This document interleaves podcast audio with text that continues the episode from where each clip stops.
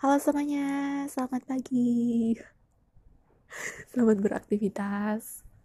Uh, aku nyapa selamat pagi, nggak tahu ya kalian dengerinnya tuh pas malam, pas siang, atau juga pagi juga. Tapi aku pengen ngasih kalian semangat pagi yang menggebu. ah, gak nyangka ternyata podcastnya ada yang dengerin dan yaudah lah ya. Aku tuh sempet gak mikirin gitu, nggak nggak yang ngeh gitu terus tiba-tiba kepencet aplikasinya dan aku lihat analitiknya dan what the hell? Ada yang dengerin gitu. Oh, maksud aku itu kan podcast gak gak ada manfaatnya gitu. Itu tuh aib yang udah ditutup rapat-rapat sama Tuhan tapi aku malah umur sendiri di podcast. Nggak ngerti deh. Tapi hari ini uh, sebenarnya aku tuh pengen nelpon teman aku. Dia tuh lokal man dari Hong Kong yang pengen aku wawancara. Enggak sih nggak wawancara cuma sekedar kayak ya kingkai kingkai aja. Kalau kingkai kingkai itu bahasa Indonesia nya mungkin ngobrol-ngobrol. Tapi karena tiba-tiba dia ada kerjaan karena tadi aku paginya kan agak sibuk ya banyak kerjaan juga dia baru berangkat kerja jam 12 jadi kayak yaudah kamu jawab pertanyaan aku di face note aja gimana? Terus dia bilang kayak mungkin lebih konfi kalau telepon. Sebenarnya lebih konfi kalau ketemu cuman dia juga nggak ada waktu dia kerjanya itu dari siang ke malam. Uh, kalau liburnya itu hari Senin sedangkan aku liburnya hari Minggu ya udah deh bentrok. Nggak bisa nggak bisa yang bisa sinkron. Mungkin hari Minggu bisa ketemu cuman agak sulit. Karena ya hari Minggu kan karena dia kerjanya tuh di resto western gitu loh guys. Jadi kalau hari minggu kan pasti rame banyak orang yang datang. Dan aku sempat bilang buat jawab pertanyaan-pertanyaan aku tuh pakai bahasa Kantonis juga nggak apa-apa gitu. Mungkin aku akan paham sedikit-sedikit dan it's not problem kalau mau pakai bahasa Kantonis tapi dia ngomongnya yaudah aku jawab pakai bahasa Inggris juga is good kok. Kayak ya udah dia terserah. Lu udah mau pakai bahasa apa? Gitu. Yang lo bisa. Dan pas aku dengerin dia ngomong bahasa pakai bahasa Inggris aduh belibet kan. Oh, kalau ngomong belibet banget deh. Uh, ya nggak buruk.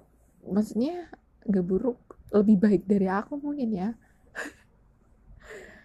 Ya aku nggak ngerasa aku lebih baik bahasa Inggrisnya. Cuman kadang kan ada beberapa orang China yang ngomong pakai bahasa Inggris tuh logatnya tuh bener-bener nggak bisa. Aku nggak bisa. Ada ada itu yang bener-bener apa sih ngomong apa?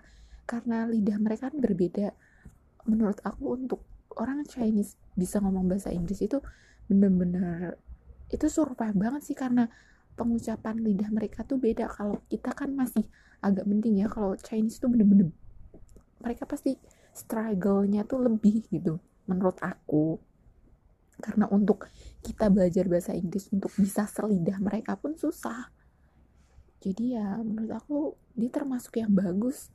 Mungkin karena dia kerja di western resto juga jadi mungkin ketemu kliennya orang asing juga atau mungkin employer dia bahasa Inggris apa ya bahasa Inggris itu dijadiin bahasa patokan atau gimana aku nggak ngerti sih.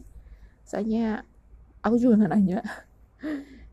Dan terciptalah beberapa pertanyaan yang sebenarnya ini pertanyaan karena aku nonton series yang mungkin underrated atau enggak ya? Nggak tahu ya.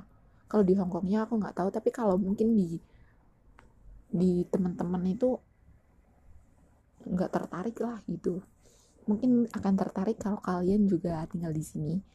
Jadi series di Netflix judulnya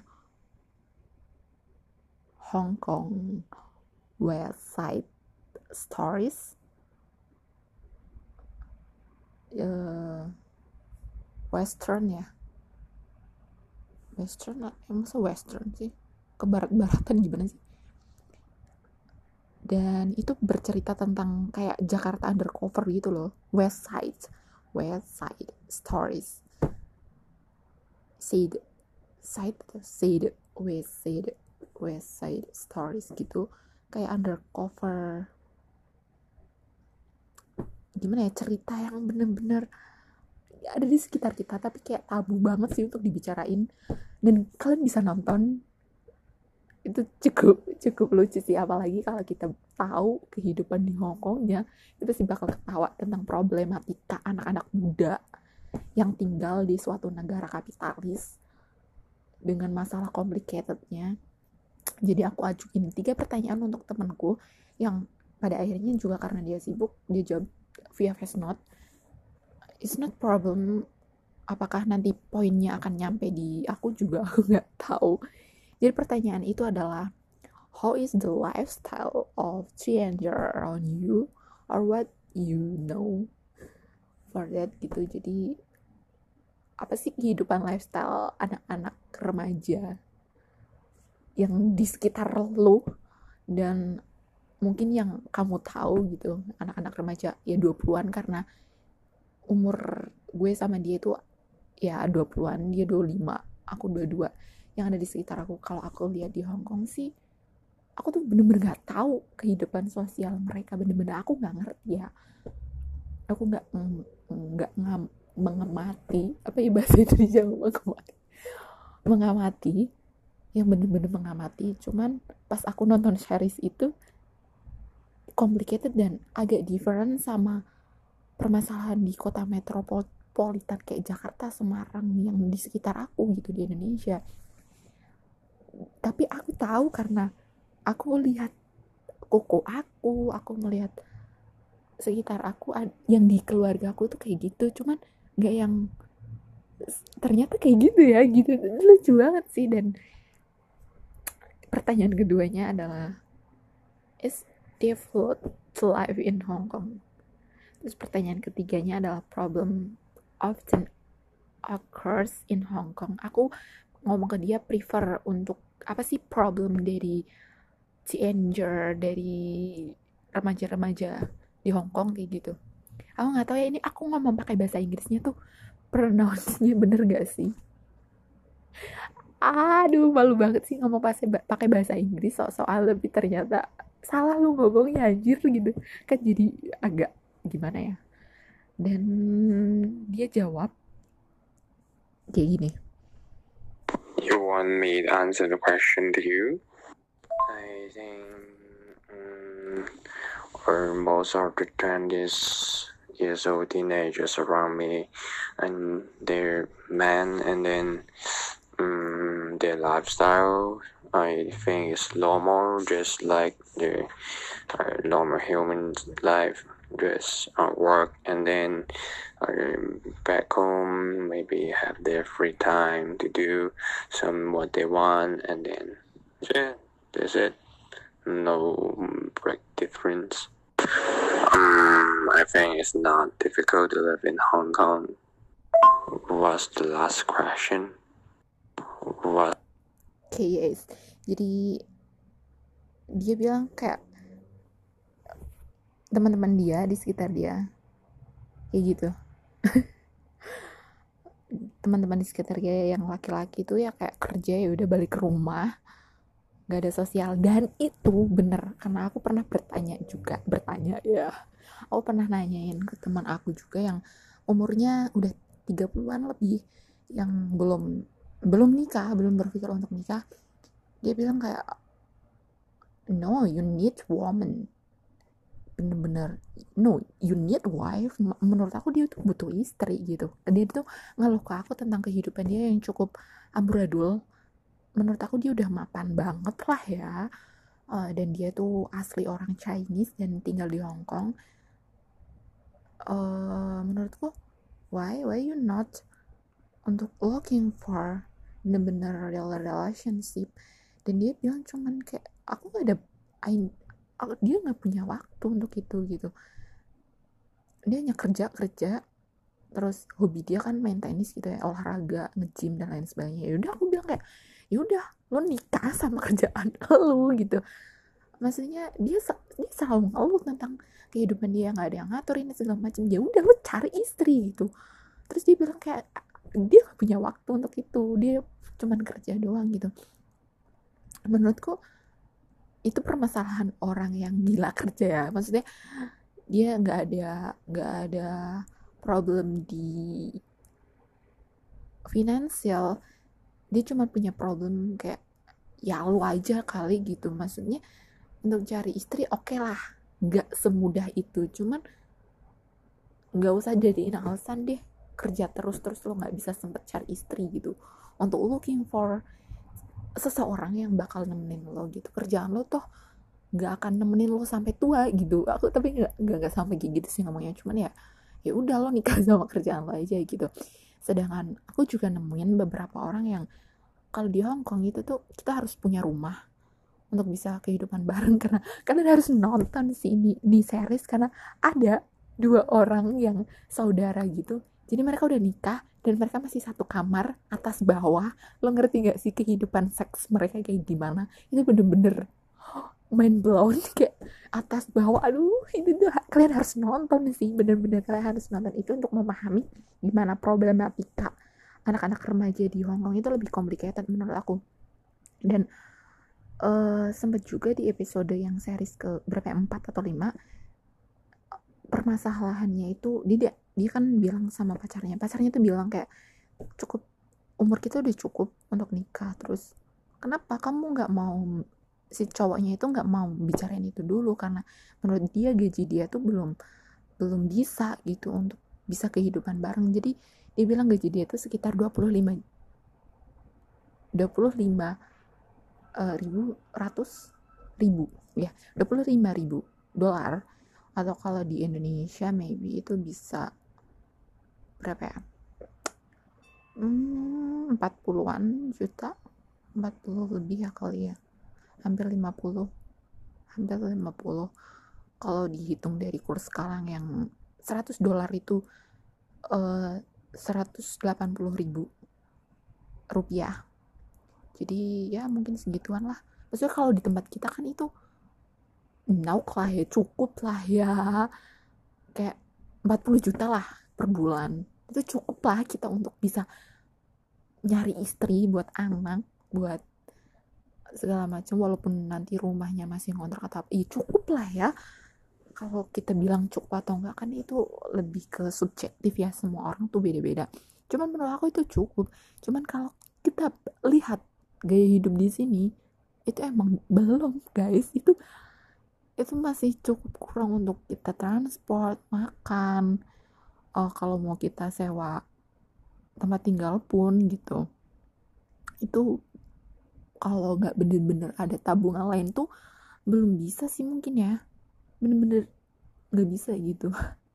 Agak sulit. Dan itu tuh kita bisa berpikir lain tentang sisi kehidupan lain dari problematika remaja gitu. Jadi menurut aku sih cukup bisa lah gak semua film gak semua kejadian tuh harus ada hmm, apa sih pelajaran yang bisa kita petik tuh nggak ada nggak harus kok sebenarnya. Cuman dari sini ya aku bisa ngeliat sisi lain aja gitu.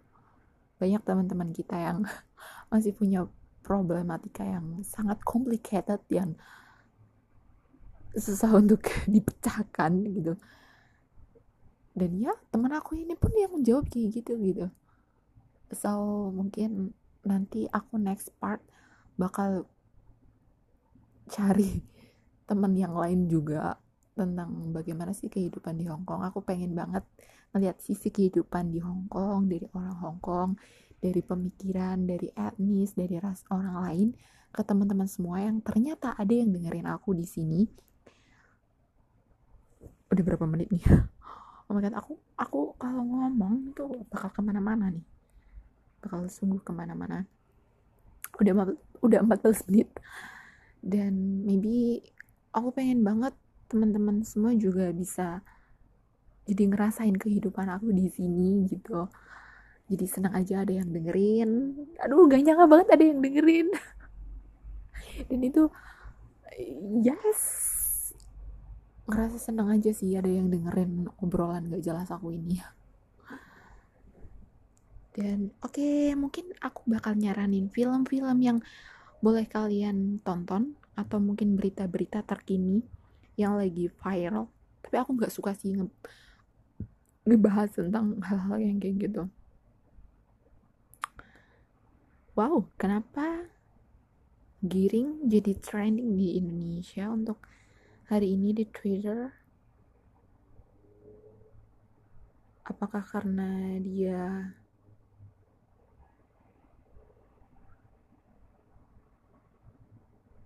ingin menjadi presiden? Maksud aku ya nggak apa-apa sih hak semua orang pengen jadi presiden. Tapi ya kalau kalian mau kritik kalian mau anggap itu lucu sih juga nggak apa-apa juga sih.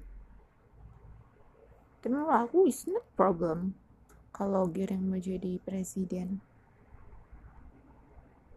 Ah oke. okay.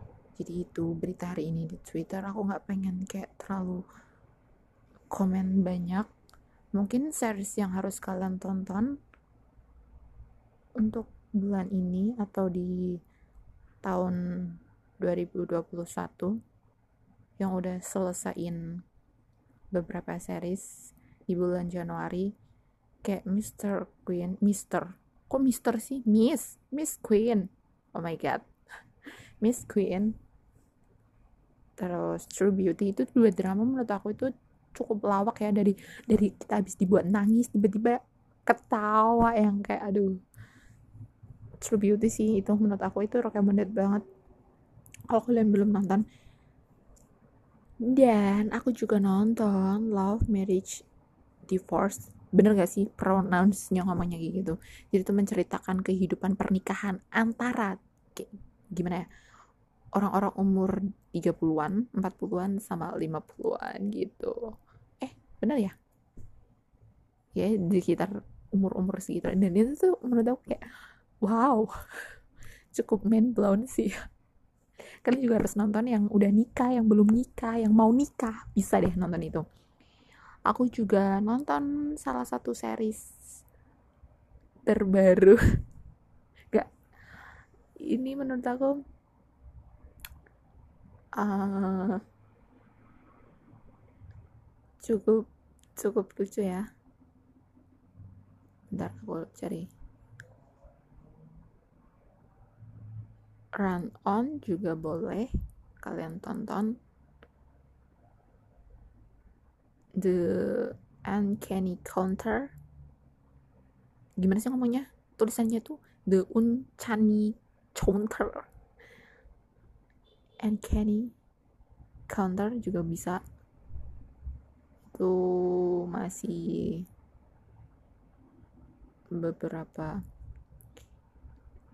episode dan Love Alarm 2 juga udah tayang gak sih?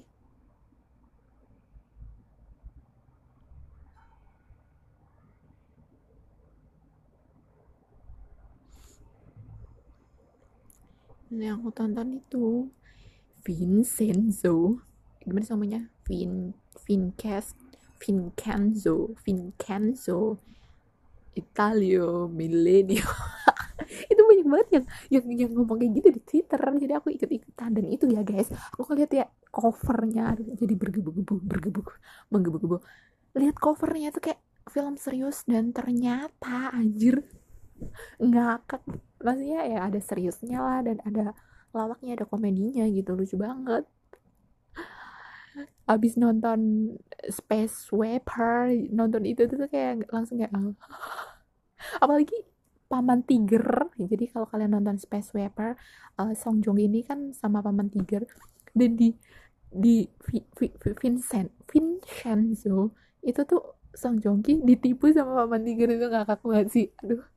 Lucu kalian harus nonton Vincenzo juga uh, atau yang terbaru dramanya Park Shin Hye yang judulnya apa ya?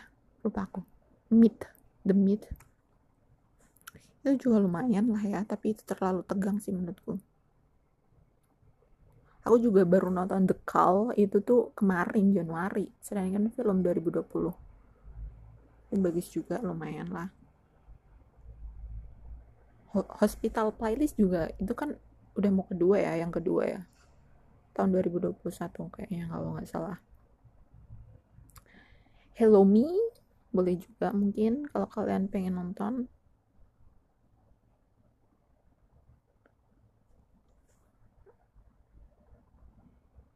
Uh, same same pose ya same same pose in the same. Ah gimana sih ngomongnya? Kenapa au Aquaman jadi top in one di Hong Kong ya? Ini kan film udah lama. Oh ya yeah. oh my god! Ini adalah salah satu dokumenter dokumenter dokumenter tahun 2021 yang menurut aku cukup oke okay lah ya. Crime scan the finishing? Crime scan Cecil Hotel. Jadi itu tuh uh, crow in infamy when quest when quest kayak Elisa Lam gitu loh.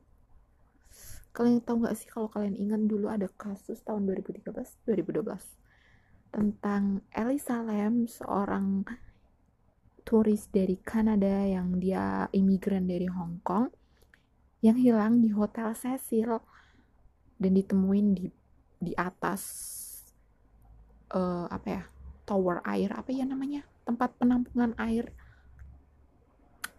Dan itu kan bener-bener kayak misterius gitu ya kan.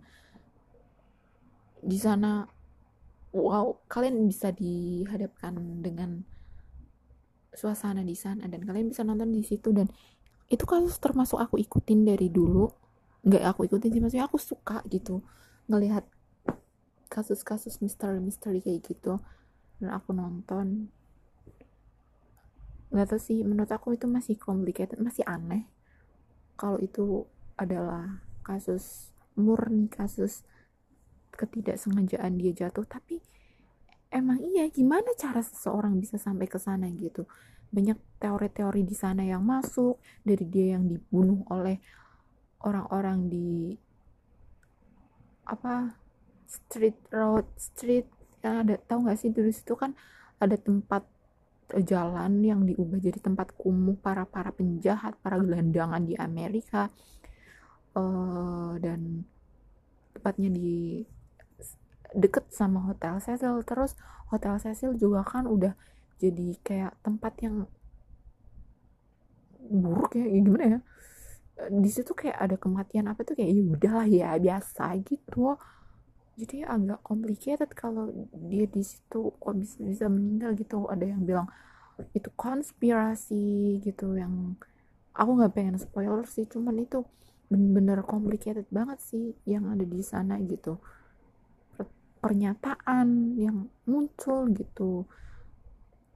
Yes kalian bisa nonton sendiri gimana serunya crime scan dari kasusnya Elisa Lam ya kita doain aja semoga mendiang Elisa Lam ditempatkan di tempat yang paling baik di sana. Mungkin itu sih di tahun ini yang aku tonton juga gitu. Ada beberapa sebenarnya series yang aku tonton lagi cuman ya itu series lama yang karena aku nggak ngerti mau nonton apa. Aku terlalu nyaman dengan apa yang aku tonton hingga nggak pengen nonton yang lain.